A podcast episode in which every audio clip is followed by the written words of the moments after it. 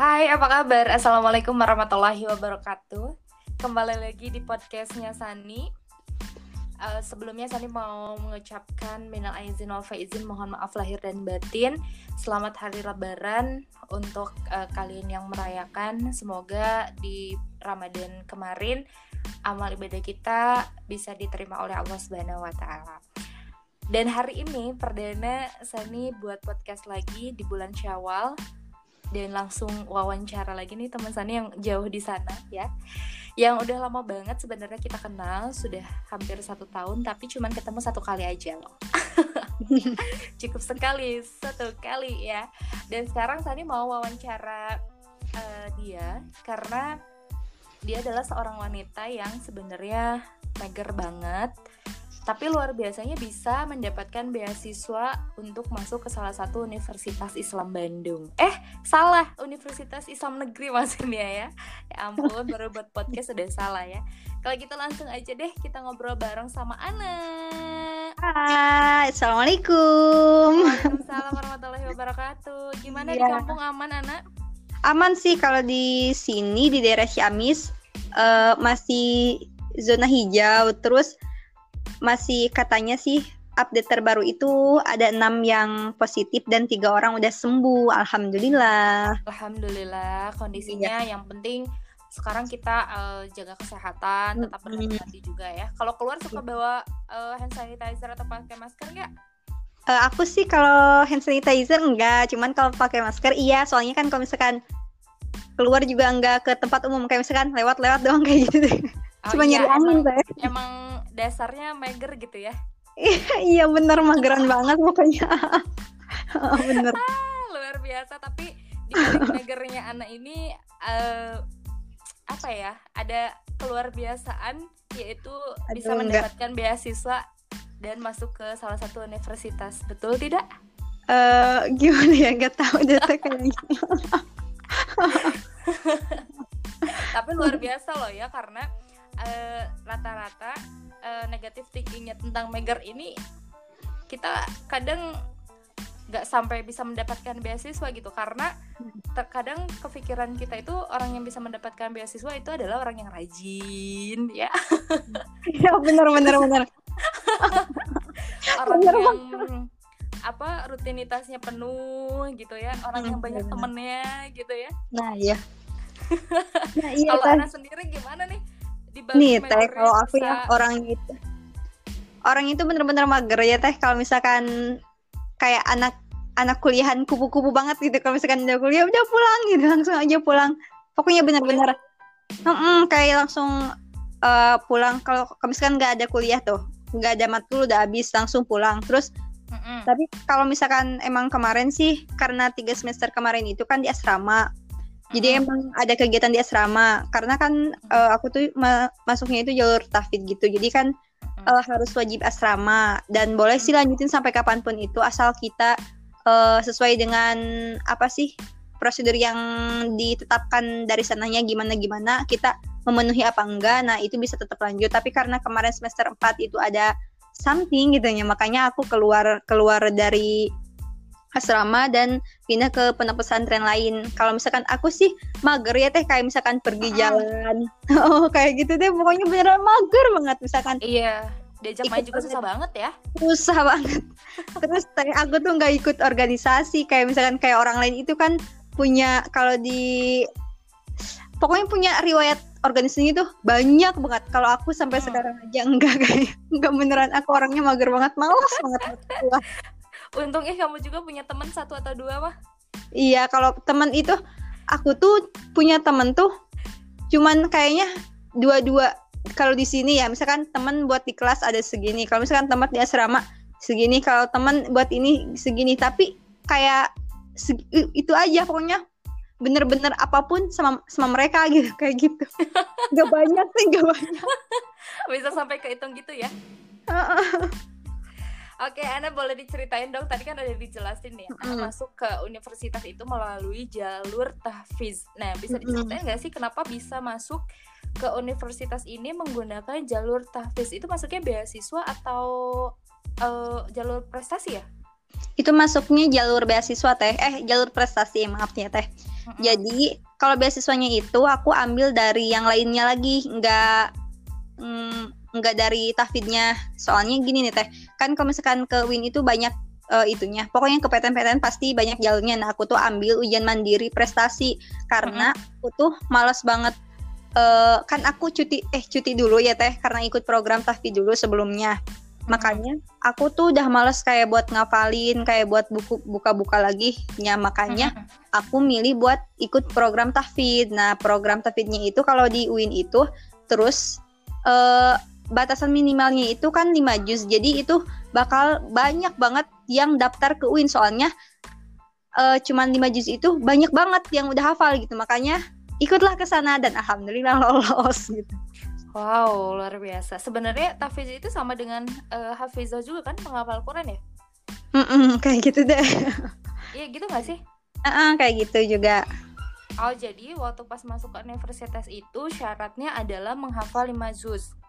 Iya, uh, bukan menghafal. Jadi kita udah hafal lebih dari 5 juz teh. Jadi yang nanti kita dites kalau misalkan orang lain tuh tesnya itu kan misalkan tes tulis atau apa-apa gitu dan segala macam Nah, kalau aku tuh cuman di uh, bentar banget. Kan aku tuh nomor antrian 100 berapa gitu. Terus di satu ruangan itu ada tiga penguji. Nah, aku teh dilihat syahadahnya kayak sertifikat aku udah hafal berapa juz nih.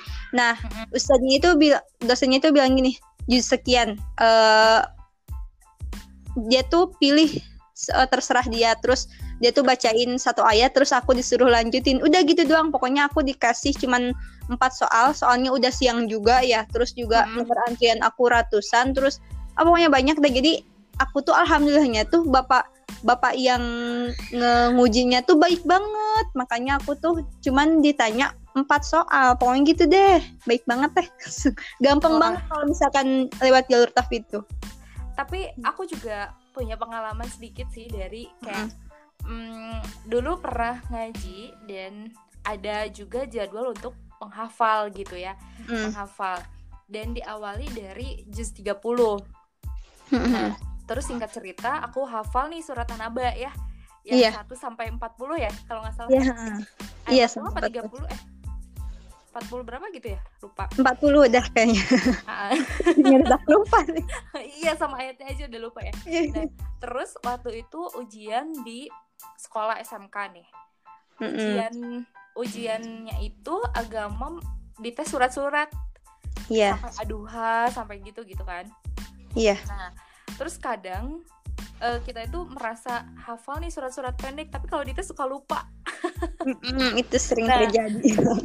iya kan nah terus uh, untuk aku mendapatkan nilai 90 aku coba bilang ke pengujinya adalah Bu aku mau coba coba tes surat anaba tapi kalau aku hafal sampai akhir aku nggak dites surat-surat yang lain tapi nilai aku 90 soal-soalan banget gitu kan ya. Soal-soalan banget, banget gitu kan. Iya sesuai banget gitu kan. Karena saat itu memang masih masih fresh baru uh, hafal banget surat anaba itu loh. Mm -hmm. akhirnya aku dites coba dan akhirnya lulus dapat 90 dan ya sama kayak kayak Ana gitu ditesnya cuma satu surat itu aja. Iya enak banget ya. Iya memang banyak banget gitu kan kayak keuntungan bukan keuntungan sih sebenarnya kayak apa ya uh, emang berkah dari iya, Al-Quran itu berkah. gitu kan? Benar benar hmm. nah Anda sekarang semester berapa sih? Aku sekarang semester 4 teh semester 4 semester 4 oke. Okay. kan uh-huh. tadi uh, bilangnya anak udah pindah asrama asalnya nggak asrama lagi sekarang pindah pesantren. Nah itu ceritanya gimana sih? Bukannya asrama itu biasanya di pesantren ya apa gimana Oh jadi kalau misalkan asrama itu teh di yang jadi aku tuh kan beasiswanya itu beasiswa asrama sama beasiswa DIPA yang kalau misalkan IPK kita gede ya teh nanti kita bisa didaftarin tuh. Nah nanti kita diseleksi. Nah alhamdulillah tuh kemarin tuh sempet dapat. Jadi ah pokoknya kayak gitu. Nah kalau misalkan beasiswa asrama itu boleh wajib diambilnya itu satu tahun. Nah, tapi kalau lebih dari satu tahun itu terserah mau diambil terus diambil atau mau enggak. Nah, kebetulan aku satu semester ambil lagi, tapi semester empatnya itu enggak. Soalnya uh, itu tuh asramanya itu asrama dari UIN-nya teh kan UIN oh. punya asrama ya.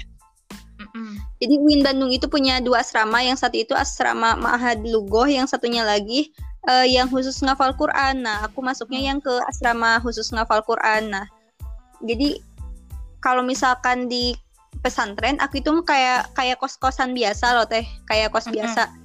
Cuman itu ada ngajinya gitu. Itu aja sih yang ngebedainnya. Oh, Oke. Okay. Nah, anak hmm. uh, memang ya kalau misalkan dilihat dari usia mungkin usia aku usia anak gitu ya iya anak-anak yang hidup di zaman milenial yang hmm. pengen semuanya itu serba, serba praktis gitu iya. dan apa sih uh, tekad Ana sampai bisa aku pengen ikutan tahfiz dan uh, sampai bisa mendapatkan beasiswa itu gitu sampai bisa masuk universitas lewat jalur prestasi apa sih tekad Ana yang sesungguhnya untuk menghafal gitu jadi teh dulu itu ya aku mau pernah pinter nih pernah pinter sebenarnya. Jadi dulu itu dulu waktu dari mulai dari sejak kelas 6 kali ya dari kelas 6 sampai SMA itu aku tuh orangnya ambisius banget.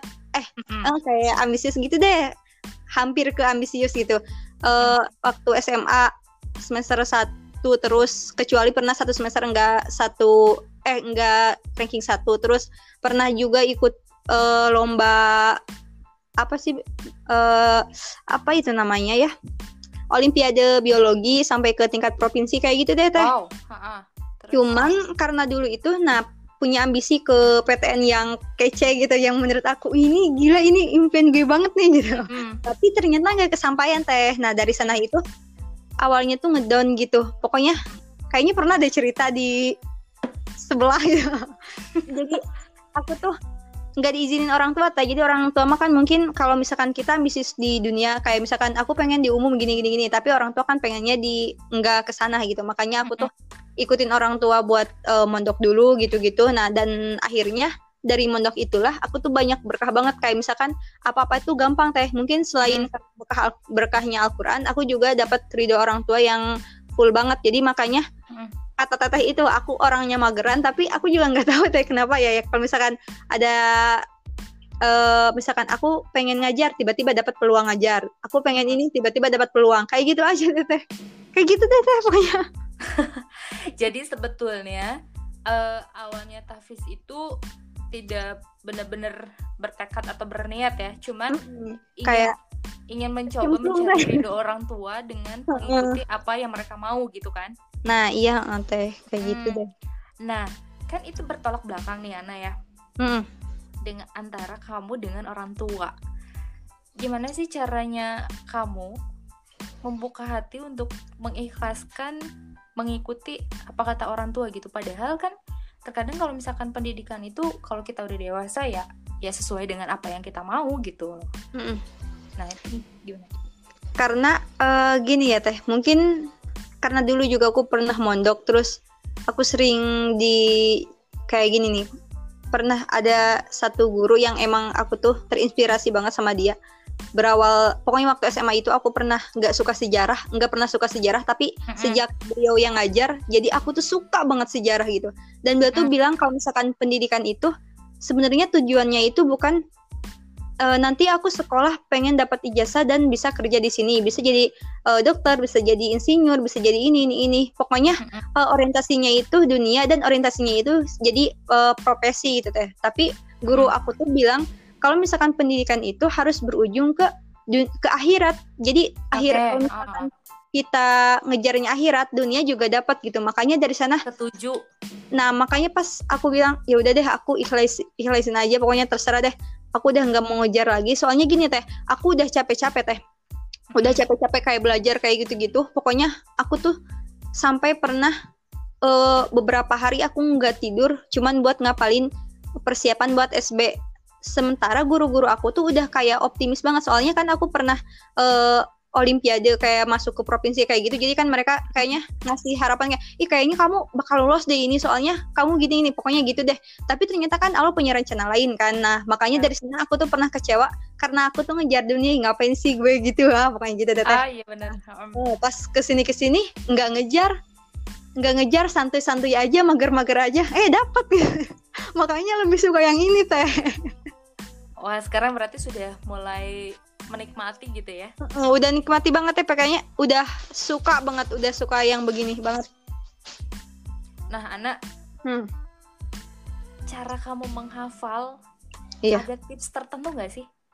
Kalau misalkan awalnya aku juga nyari-nyari loh teh misalkan oh ngafalin itu kayak gimana sih? Gitu gitu gitu pokoknya nyari dulu tapi faktanya ya teh kan setiap orang itu punya uh, karakternya masing-masing. Gimana dia cara Hmm. belajarnya gimana terus juga dia punya potensinya seperti apa dan lain hal sebagainya. Banyak faktor gitu yang mempengaruhi. Jadi aku tuh nggak bisa bilang eh ini loh cara yang cara yang bagus. Ini ini ini ini ini Hmm. segala macam. Jadi kalau buat aku mah asal kamu terbiasa ngafal. Kalau misalkan pengen kayak misal eh aku pengen ngafal nih. Kamu mulai itu kamu mulai Hmm. terus nanti kamu istiqomahin se sedikit sedikit gitu. Dan nanti kamu juga bakalan ketemu caranya itu kayak gimana. Soalnya aku misalkan cocok dengan Quran yang ada eh, terjemah perkata tapi orang lain ada yang enggak. Soalnya mereka udah paham misalkan bahasa Arabnya. Kalau aku kan enggak eh, enggak punya basic bahasa Arab. Jadi aku harus dibantu dengan terjemah perkata kalau orang lain udah jago mereka cocok dengan Quran yang seperti ini cara ngafalinnya kayak gini. Jadi ujung-ujungnya itu kembali ke pribadi masing-masing. Jadi kata aku mah cara ngapal itu kamu akan nemu kalau kamu udah mencoba gitu teh Iya. mm-mm. Mm-mm. jadi harus kitanya expert sendiri gitu dulu ya bener kalau kata aku mah harus dari kalau kita udah nyaman teh itu tuh a- Mm-mm. kalau kita udah nyaman udah cinta udah udah senang aja teh itu tuh bakal cepet banget kita juga oh kayak gini ya ternyata ngapa oh gini ya oh ternyata gini ya oh, terus aja jadi candu candu candu gitu dan goal kayak gitu deh. Nah, anak selama menghafal itu menghabiskan kira-kira mungkin lima, lebih dari lima juz itu dalam berapa dalam jangka waktu berapa lama? Eh, karena aku dulunya ambil program karantina ya teh jadi cuman enam bulan teh Hmm, karena Bulan. memang itu dihususkan ya, jadi terus digali terus digali terus dan Iya. sampai akhirnya sekarang bisa menikmati ya.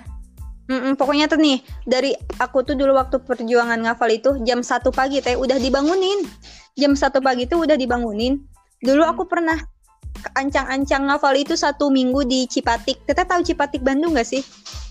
Pernah dekat eh pernah dekat dengar. pokoknya itu Pernah dingin banget. pernah ke sana sih. Heeh, pokoknya itu di sana cuacanya dingin banget teh. Dingin banget. Dan jam satu pagi itu udah dibangunin. Jadi kita tuh jam satu jam satu pagi dibangunin dan harus keluar dari asrama dari kamar itu tuh dingin banget. Dan kita tuh dipaksa buat ngapalin. Soalnya nanti pada eh, subuhnya itu kita harus mulai setoran ngejar target gitu. Sampai Mm-mm. sampai jam 9 malam kita baru selesai ziyadah teh. Eh, baru selesai nambah hafalan. Nah gitu jam 9 harus tidur dan jam 1 pokoknya gitu aja polanya teh. Eh, bener-bener deh pusing banget. Awalnya. Itu biasanya ngafalin dengan jangka waktu itu harus hafal berapa juz sih? kalau dulu eh, kalau aku tuh dulu tuh di target jadi perharinya itu harus mencapai dua lembar setengah teh per hari. Hmm, berarti bukan ukuran juz ya? Mm-mm, bukan itu deh Luar biasa pengalamanmu.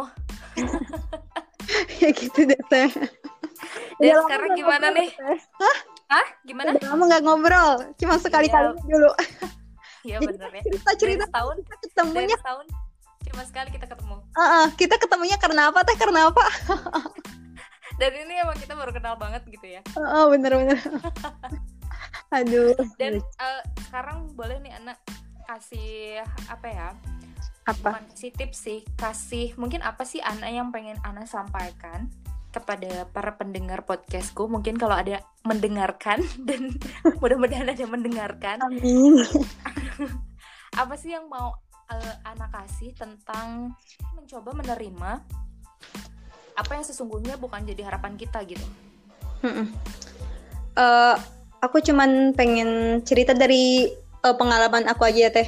Kan mungkin kita punya rencana dan pasti Allah juga punya rencana. Makanya Ah. aku tuh selalu mikir ya Allah ini rencana aku. Terserah Allah mau nge nge apa enggak gitu. Tapi kita harus percaya aja teh. Saat kita punya rencana A tiba-tiba Allah eh, ki- mengarahkan kita ke suatu plan B. Dan kita aku tuh harus ber, berusaha tetap kita syukur aja. Uh, jalani semaksimal mungkin yang kita dapatkan. Misalkan kita pingin A tapi malah B. Kita tuh harus optimal aja tes se, se semaksimal mungkin kita syukuri kita jalani dengan ikhlas banget. Nanti kalau udah itu mah insya Allah lancar kok teh. Terus juga yang paling penting itu kata aku mah ridho orang tua. Kalau misalkan orang tua udah ngizinin itu itu tuh yang lainnya tuh tak tak tak tak, tak pokoknya teh uh lancar banget. Aku tuh Udah ya kayak jalan tol gitu ya. Oh, beneran teh misalkan awal itu aku wah gila mati-matian tuh. Mati-matian beneran belajar segala macam Hmm. tapi karena orang tua nggak ridho ya teh susah banget. Nah pas sekarang nih teh aku sebelum tes ya teh aku namatin dulu drakor yang What's Wrong sekretari Kim parah banget ya teh. Nah itu min satunya aja aku masih namatin drakor itu tapi aku tuh ngelihat kalau misalkan pagi-pagi ke kamar eh, orang tua ya teh lagi sholat tahajud lagi gitu-gitu lah orang tua yang usahanya teh. Kita mah diam nonton drakor tapi alhamdulillah teh.